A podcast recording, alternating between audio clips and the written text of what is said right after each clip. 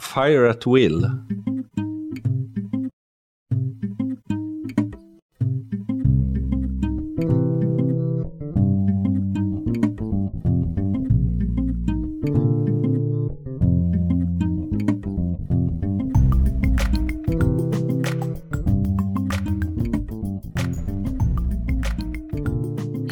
Det här är podcasten Social by Default igen. Och som alltid så är det jag, Sara Larsson Bernhardt, som tillsammans med Deeped Niklas Strand driver den här podcasten. Podcasten Social by Default och konceptet är ett samarbete mellan Know It Experience och United Power. Och vill ni läsa mer om oss, gå till socialbydefault.se. Har ni frågor till oss eller åsikter om avsnittet, twittra med hashtaggen Social by Default eller prata med oss på vår Facebook-sida. Hej Sara!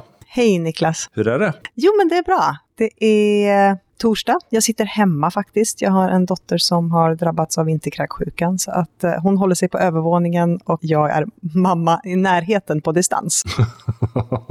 ja, det är bra det. Och jag är i Falun skulle väl egentligen varit nere på spinn, tycker många, eftersom jag är nominerad. Mm. Men jag valde att stanna hemma. Vilket ju var tur då, eftersom eh, det har ju spårat ur ett tåg på Borlänge bangård. Oh, Stockholmståget spårade ur igår kväll, så just nu går det inga tåg. Och det kommer väl ta ett tag innan de lyfter bort det där. Så jag är ganska glad nu att vi har produktionsvecka framöver. Mm. Så jag ska vara i Dalarna faktiskt. Därför det ser ut som det kan vara riktigt bökigt i tågtrafiken. Ja, för vi är ju hemma sedan igår egentligen. Måndags, tisdags var vi ju i Stockholm. Då var ju internetdagarna, som vi har nämnt otaliga gånger under uh, de senaste podcasten. Mm. Nu har det varit. Ja, det är ju skönt. Och samtidigt så blir det ju lite nästan tomt direkt efteråt. Mm. Det blir ett sånt här vakuum. Ja, och det gick ju väldigt bra. Det var ju sådana liksom, jag, kan, jag, jag har verkligen tänkt på, liksom, var det något som misslyckades? Men vi lyckades göra ett, en riktigt, riktigt bra spår.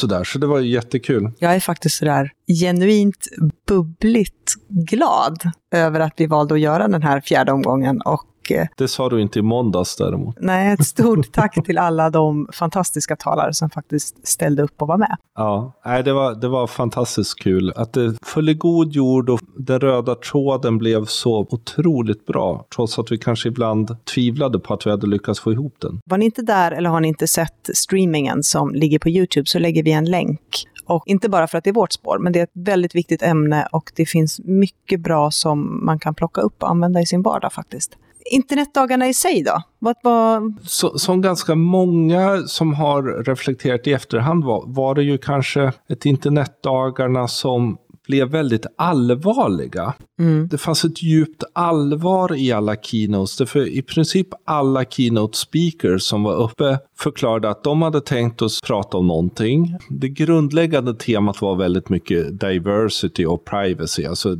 liksom mångfald och liksom integritet. Mm. Och de, de flesta hade tänkt en sak och sen kom USA-valet och skakade dem och har skakat oss. Och, och någonstans när man då möter amerikaner inser man att vi förstår inte hur omskakande Nej. det här faktiskt är. De flesta hade gjort helt nya grejer och det var brandtal runt helt enkelt att vi nu, nu är det upp till oss att faktiskt både rädda internet och rädda världen. Därför vi står inför ett rejält hot med Trump och hela den delen. Och vårt spår hakade ju i det, även fast vi ju har planerat det sedan i mars mm. på, ett, på ett ganska fantastiskt sätt. Atmosfär som var, var både allvarlig men också någonstans, okej, okay, nu kör vi. Det kändes som att det blev på en annan nivå. Det har alltid hållit en hög nivå, men just eftersom det blev det här otroliga allvaret kopplat till samtiden på ett sätt som vi kanske inte riktigt har upplevt de andra åren, så tycker jag att det kändes som att de lyfte hela konferensen. För väldigt många tror jag, men också för, för oss så var det ju två stora höjdpunkter. Det första var ju Edward Snowden, mm. första dagen, avslutande keynote, eller samtal som drevs bland annat med hjälp av Britt Stakston. Han satt ju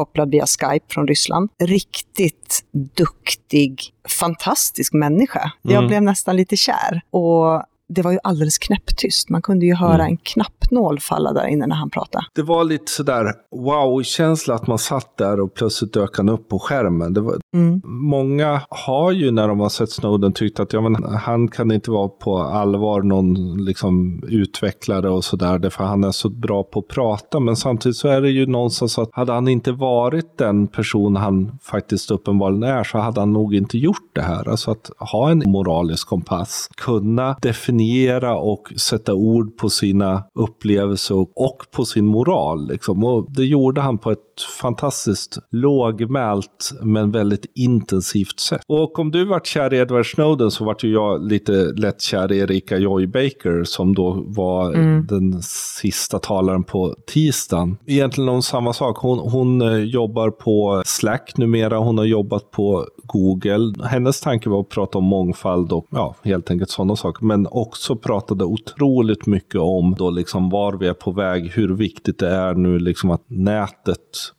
inte blir fast i liksom klorna av de totalitära krafter som nu börjar ta makten. Eh, fantastiskt intensiv och ja, vilken, vilken människa. Mm. Det var riktigt gripande att se faktiskt. Och det noterades av de som har varit då på, det är ju 17 året var det här som, som internetdagarna, de noterades att Erika Joy Baker fick stående ovationer och det har bara hänt en gång tidigare under 17 år, det var kvällen innan. Råd från oss, ta den tid det tar att titta igenom åtminstone de här två streamade talen. Vi lägger länkar på, i show notes, för det är verkligen värt det. Man är lite trött efter ändå. Ja, med nya tag. Då plötsligt så fick vi ta nya tag. Och det är ju inte ens, är det Q4 nu eller? Vad ja, är det men det händer? är Q4 nu vet du. Nu, nu händer allting inför jul och Black Friday och Cyber Monday och sådär. Mm. Vad hände idag? Det har varit lite släpp, både Instagram och Messenger har ju gjort uppdateringar. Mm. Båda två har kikat på Snapchat igen. Instagram har väl snott ännu mer och Messenger har väl influerats, minst sagt. och det som har hänt är ju att Messenger har då fått i princip en kopia, alltså det, det är så likt som det kan bli, eh, en kopia av Instagram stories i sig. Mm. Med då liksom möjligheter att rita och, och, spela in, men saker som bara då finns kvar eh, under 24. Och det är då de man följer som man kommer se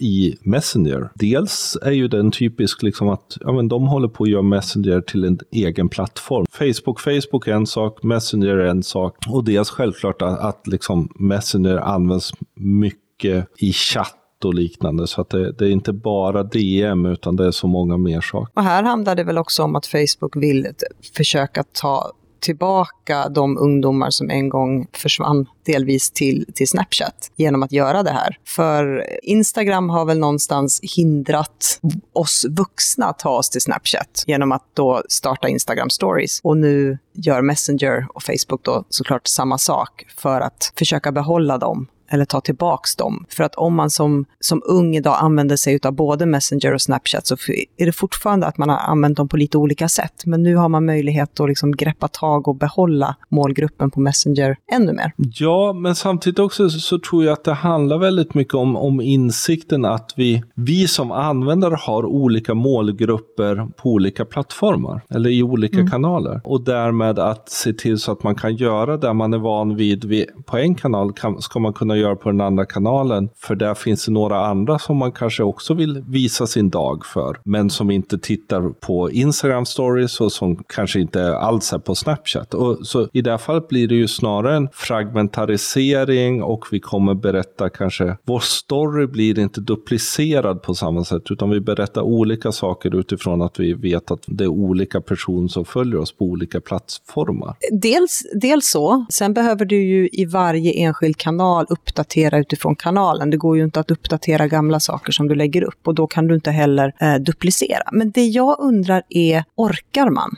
Eftersom kanalerna nu blir mer och mer lika varandra, så är frågan, orkar man göra allt det här? För jag känner själv att vi har ju varit på Snapchat i drygt två och ett halvt år. Instagram stories kom, jag orkar liksom inte ta tag i den. För att jag har den typen av storyfunktion på Snapchat och om nu Messenger också gör samma sak. Jag blir fragmenterad. Var någonstans kan jag uppdatera? För jag har ju fortfarande bara en viss tid att göra de här uppdateringarna. Istället för att göra allting på Snapchat där kanske din crowd där är bara intresserad av en tredjedel av det så gör man den tredjedelen och väljer Snapchat och väljer något annat, berättar någonting annat på Instagram stories och något tredje på Messenger. Och jag tror inte det handlar så nödvändigtvis att man kommer göra saker varje dag på Messenger utan den, den tror jag mycket mer kommer handla om att man gör en sändning när man är med om någonting speciellt som man vet att de man brukar chatta med på Messenger kan vara intresserade av. Snapchat gör man lite coolare saker för där har man kanske sina kompisar. kompisar. De liksom, för oss blir det våra hipsterkompisar.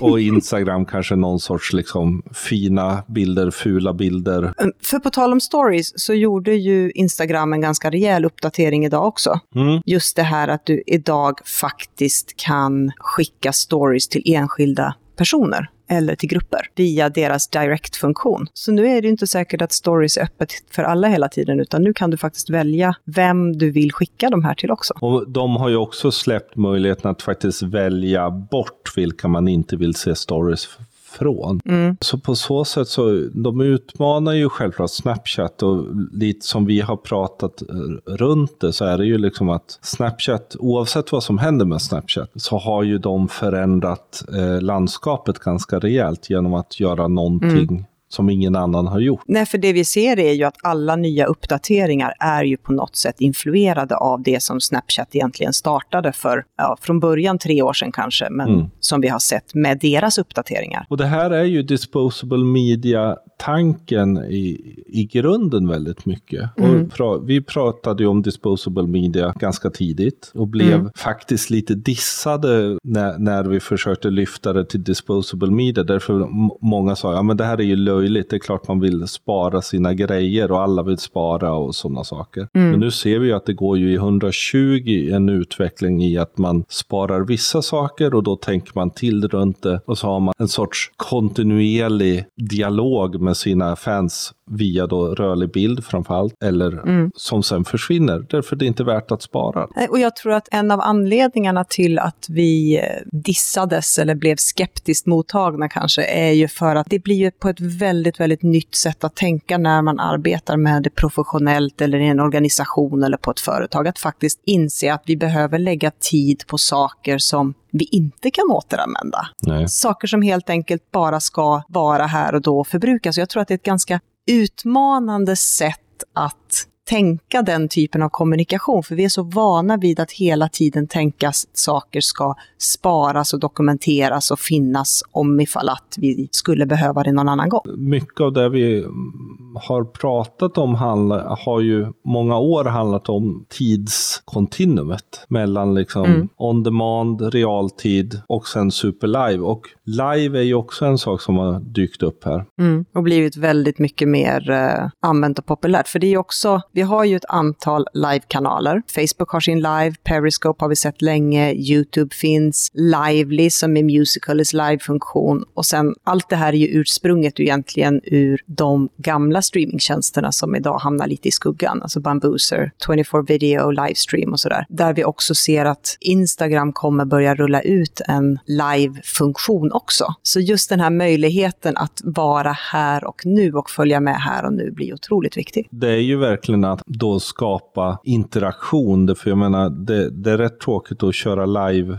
livesändning om ingen tittar. Liksom. Men så fort någon börjar titta och börjar kommentera och, eller lajka så att man ser det, ja men då är det ju plötsligt riktigt roligt. För det är ju en fördel med de här nya tjänsterna då, att du får faktiskt en i realtid kommunikationsmöjlighet. Att hela tiden hålla en dialog eller visa uppskattning under tiden liven sänds. Ja, precis. Och där var ju faktiskt Van Buser otroligt tidiga med. Det fanns ju en chatt, så på så sätt så kan man ju känna att våra kära svenska svenskar faktiskt var extremt tidiga med, med att skapa det som idag är en självklarhet. Vad innebär allt det här för företag och organisationer? Ja, dels väl att, att tänka superlive i realtid, att det blir viktigare och viktigare att hitta ett förhållningssätt till det här. Att liksom ta in det i den vardagliga delen också. Hur ska vi använda live? Ska vi hitta något sätt att en gång i veckan köra en livesändning som är interagerande? Finns det intresse för det bland vår målgrupp. Och även fundera när det gäller då disposable media-delen, liksom i Instagram stories och nu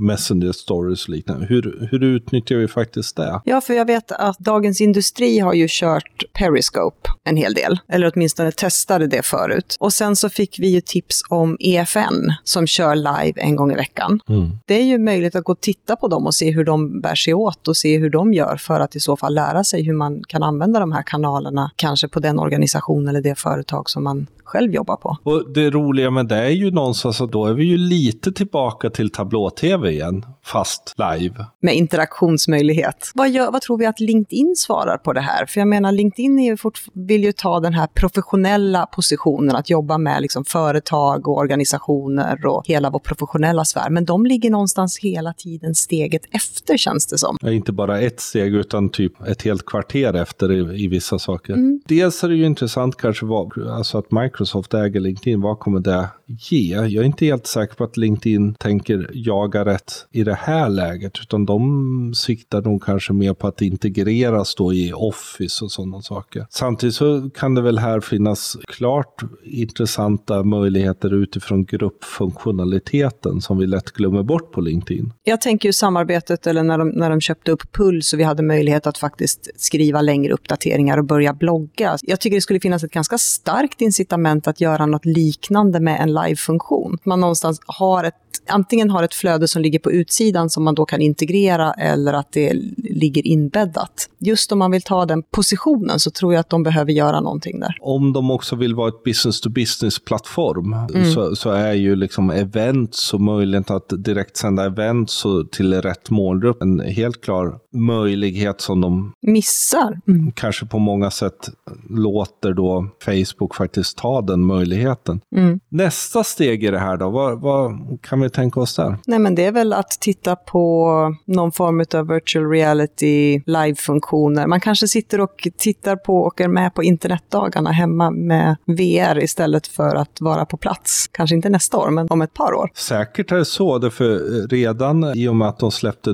nya uppdaterade operativsystem för Oculus så visades mm. ju en, helt enkelt närvaro där liksom man som avatar var i samma rum som de andra. Liksom där är man ju redan på väg och det är ju intressant hur man kan utveckla det i nästa steg. Just istället för att sitta och titta på en nyhetssändning så är man med i nyhetssändningen. Jag är fortfarande lite fascinerad över att du inte har köpt ett par VR-glasögon. Jag, jag, är lite chockad över det. Vadå, nu vänder sig Niklas om. Ja, men du har det alltså. Varför har du inte tagit med dem någon gång? Jag har faktiskt aldrig haft på mig ett par. Nej, men det är sådana enkla, och det som då blev årets julklapp så, som helt, Precis. helt helt enkelt VR-glasögon, framförallt för mobiler. Och det, det, är ju enkelt. Jag köpte dem för att kunna titta på 360-bilderna på, på det sätt som är meningen att göra. Eh, men det är mm. klart att vi kommer ganska snart också få de riktiga VR-upplevelserna ner på en nivå av kostnad som gör att faktiskt alla kan köpa det. Där är ju Playstation fyra Sver-glasögon på väg eftersom de är inte så fasligt dyra och framförallt så kan du koppla den till en befintlig Playsta Playstation. Jag tänker på alla de här Hemnet-knarkarna som istället för att sitta och klicka runt på bilder då kan börja med sina VR-glasögon och gå runt och verkligen vara inne i hemma hos folk och titta. Det tror jag kommer bli en utveckling. Ja, och liksom bjuda med sina kompisar för att vad tycker de om det här och liksom så. Sen är det ju så att det är, allt kommer ju vara tillrättalagt eftersom man måste filma det i VR. Liksom. Men... Nu är det ju Thanksgiving i USA och det vill säga att imorgon är det Black Friday som är en sån otroligt stor rea-dag som har blivit rea-helg faktiskt. Började i USA när alla butiker sätter ner allting till 70 procent och folk är som galna och slåss i butikerna för att mm. få grejer. Det har ju kommit över till Sverige också. Vi ser ju jättemycket sponsrade postningar nu både på Facebook och Instagram om eh, Black Friday. Måndagen efter, då är det ju e-handlarnas billighetsdag. Utöver liksom liksom det vi ser i sociala medier. Hur tror du att sociala medier har varit med och påverkat den här utvecklingen av att faktiskt föra över då Black Friday till, från USA till Sverige? Jag, jag tror att, självklart, alltså, jag menar, det är klart att genom att vi har en helt annan nivå på våra nyheter, möjligheten att lära oss saker och framförallt tror jag också e-handeln i sig tillsammans med sociala medier självklart har gett det här, gett upphov till att vi idag ser Black Friday-grejer från våra svenska företag. Och eh, tittar man på Black Friday kontra Cyber Monday så har ju de totalt smält samman. Och jag är ju kanske som du vet, men inte så många andra vet, jag är ju ingen e-handlare överhuvudtaget. Jag har ju extremt svårt att handla på nätet nätet, om det inte är tågbiljetter eller bussbiljetter och sådär, utan prylar. Så att Cyber Monday har varit väldigt diffust för mig, fram till kanske förra året, när jag upptäckte ett uppsving av postningar i sociala medier just för att liksom driva trafik till e-handlarnas dag. Men då sen, du tänker ju vad heter köpa alla julklappar online har du? Jag har ju inte så mycket tid för något annat.